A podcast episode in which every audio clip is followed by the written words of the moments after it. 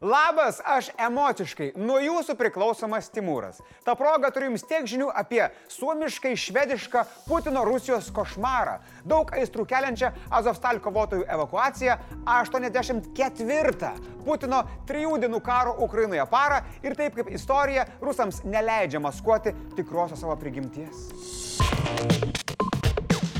Suomija ir Švedija oficialiai atsisakė neutralių šalių statuso ir pateikė prašymus įstoti į NATO. Čia panašiai, kai tu kieme nuolat esi duhinamas to rūkančio vaiko ir pagaliau į tavo pusę stoja normaliai pasportavę, normalius tėvus turintis du kaimynai, kurių tas vaikas bijo.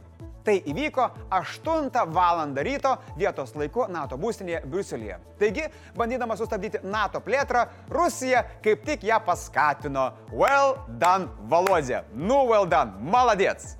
Prieimęs dokumentus, Stoltenbergas sakė, kad tai yra istorinis žingsnis, kuris dar labiau sustiprins alijansą tokiu ypatingu metu. Ypač džiaugiasi Baltijos sesutis, kurios savo pašonėje turės du galingus karinius draugelius. Viskas skamba tiesiog fantastiškai, jei ne viena tokia maža smulkmenėlė. Ir kai sakau maža smulkmenėlė, turiu omenyje antros pagal dydį NATO kariuomenės dydžio smulkmenėlė. Tai Turkija, kuri gali blokuoti Suomijos ir Švedijos narystę. Norint priimti šalį į NATO, visos 30 narių turi tai ratifikuoti savo parlamentuose. Deja, Turkija pareiškia, kad We will not say yes to the countries who apply sanctions to Turkey and want to join NATO. Tai pasirodo, Turkijoje tikrai ne viskas įskaičiuota, ne? Oi, truputį pykina. Visai kaip turkiškam rezortė prie to bendro stalo. Erdoanas kaltina dvi šiaurės šalis, ypač Švediją, esant prieglopščių Kurdistano darbininkų partijai, kurią Ankara laiko teroristinė. Nepaisant to, kad JAV ir ES šią partiją yra įtraukusios į teroristinių grupių sąrašą. Suomija ir Švedija nenori išduoti grupės narių Turkijai dėl susirūpinimo žmogaus teisėmis. JAV jau dirbo su Turkija įjungusi visus diplomatinius svertus. Nelabai sėkmingai. Vokiečių naujienų agentūra DPA praneša, kad Turkija blokavo Švediją Švedijos ir Suomijos narystės NATO dėrybų pradžią. Erdoanas pareiškė, kad šalis negali sutikti su siūloma plėtra, kuri pakenktų pačios NATO saugumui.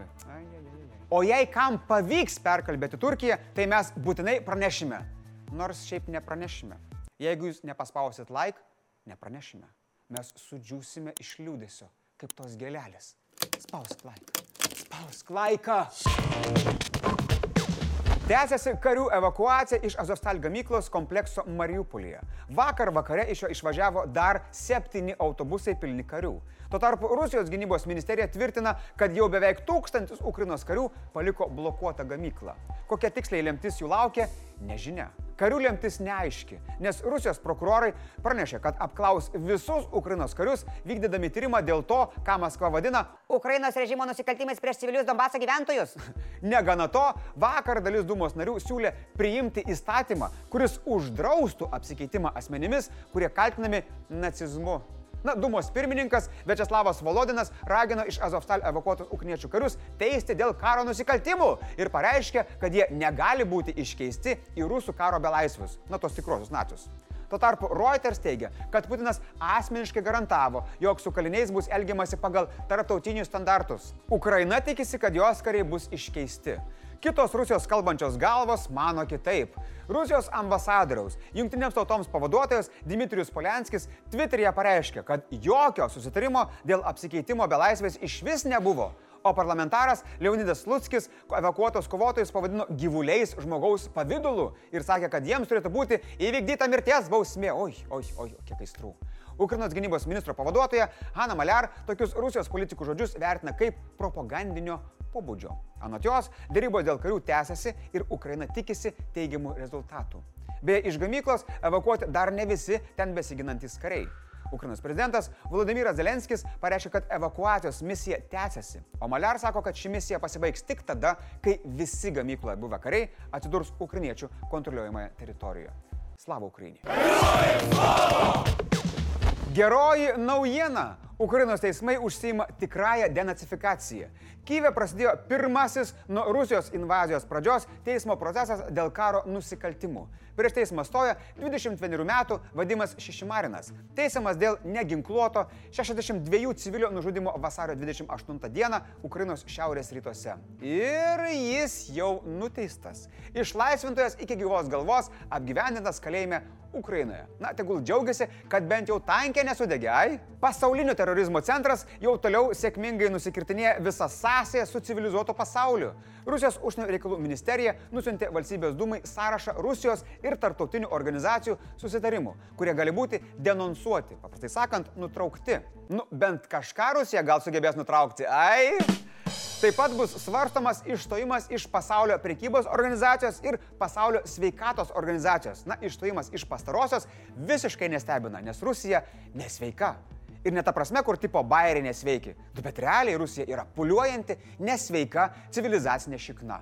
Tai puikiai įrodo paskutinis jos pasirinktas denacifikacijos objektas. Sunaikino Harkive veikusi unikalų augalų sėklų banką.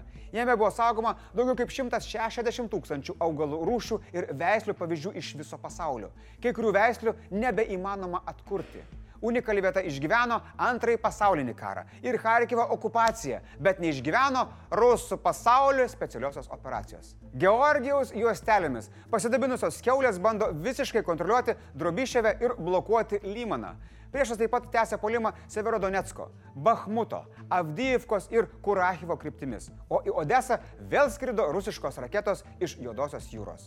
Taip pat su patosu buvo demilitarizuotas dar vienas pavojingas objektas - Avdyivkos mokykla. Rašistams bandant skleisti savo istorinius išvedžiojimus, dvietukininko lygio neapykanta faktams, švietimui ir mokyklams, mm, atrodo labai logiška.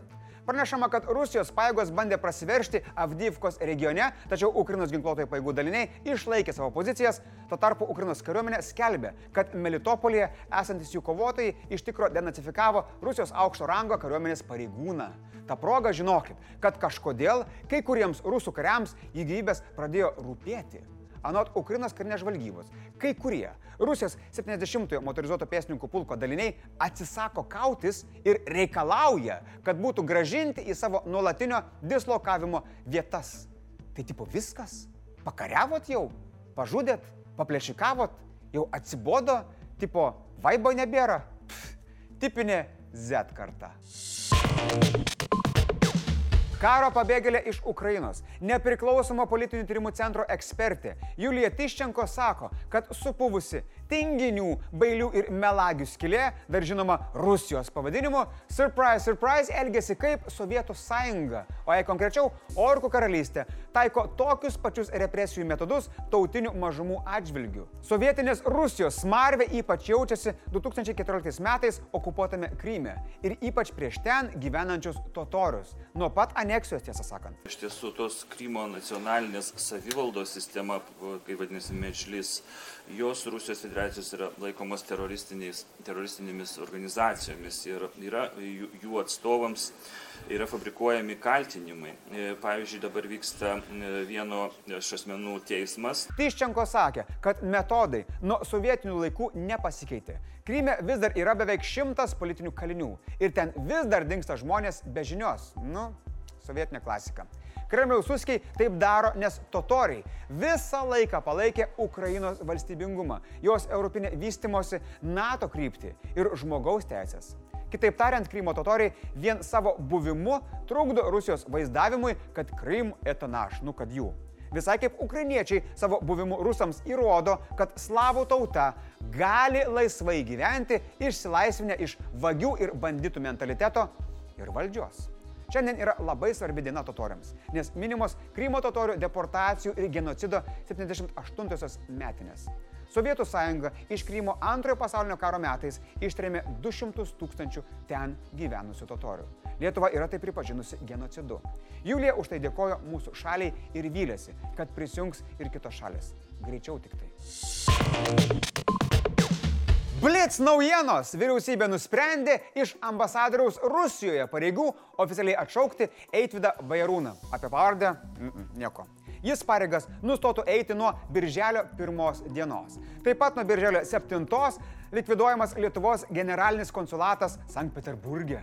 Seimo Teisės ir Teisėtvarkos komitetas nepritarė, kad buvęs Konstitucinio teismo teisėjas Egidijus Šileikis būtų skiriamas Lietuvos aukščiausiojo teismo teisėjų. Pasak Širinskinės, tai labai apgailėtinas sprendimas. Na, Agnė tikrai viską žino apie kategoriją apgailėtina. Dabar klausimas keliasi į Seimą. Šileikio kandidatūrą pateikė prezidentas Nausėda. Venezueloje gyvenantis 112 metų ūkininkas Juanas Vicente Perezas oficialiai pripažintas seniausių tebe gyvenančių vyrų pasaulyje.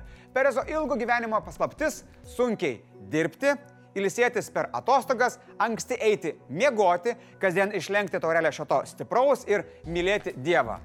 Juanai, ar tai tikrai yra visas sąrašas? Mm? Jei turi vaiką, kuris nemėgsta daržovių ir spiriojasi, kad pasiūlot jam valgyti sveikai, iškeiskit jį į va šitą šuniuką, va dabar pat.